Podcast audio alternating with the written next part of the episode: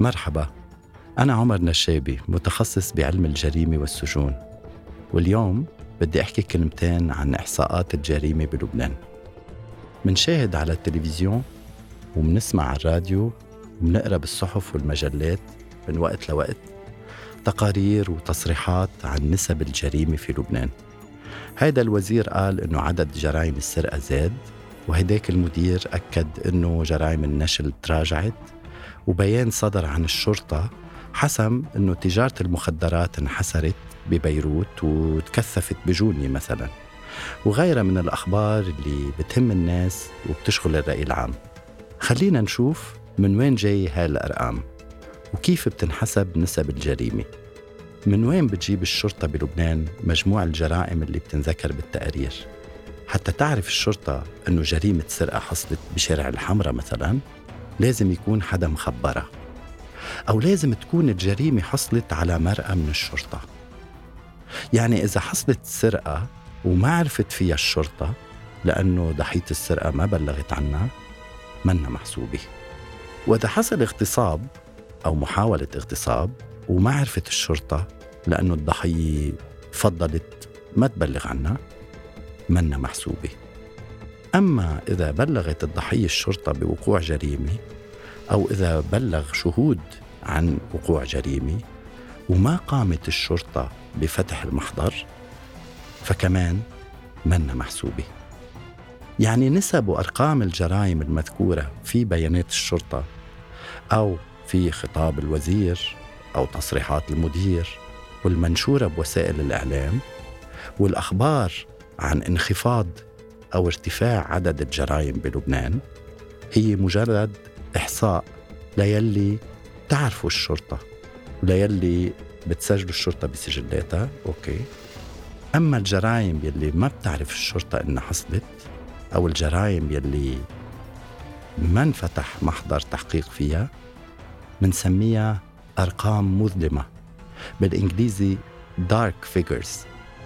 بعض أسباب عدم التبليغ عن وقوع جريمة هي العيب الخوف عدم الثقة أو التسوية أو المصالحة.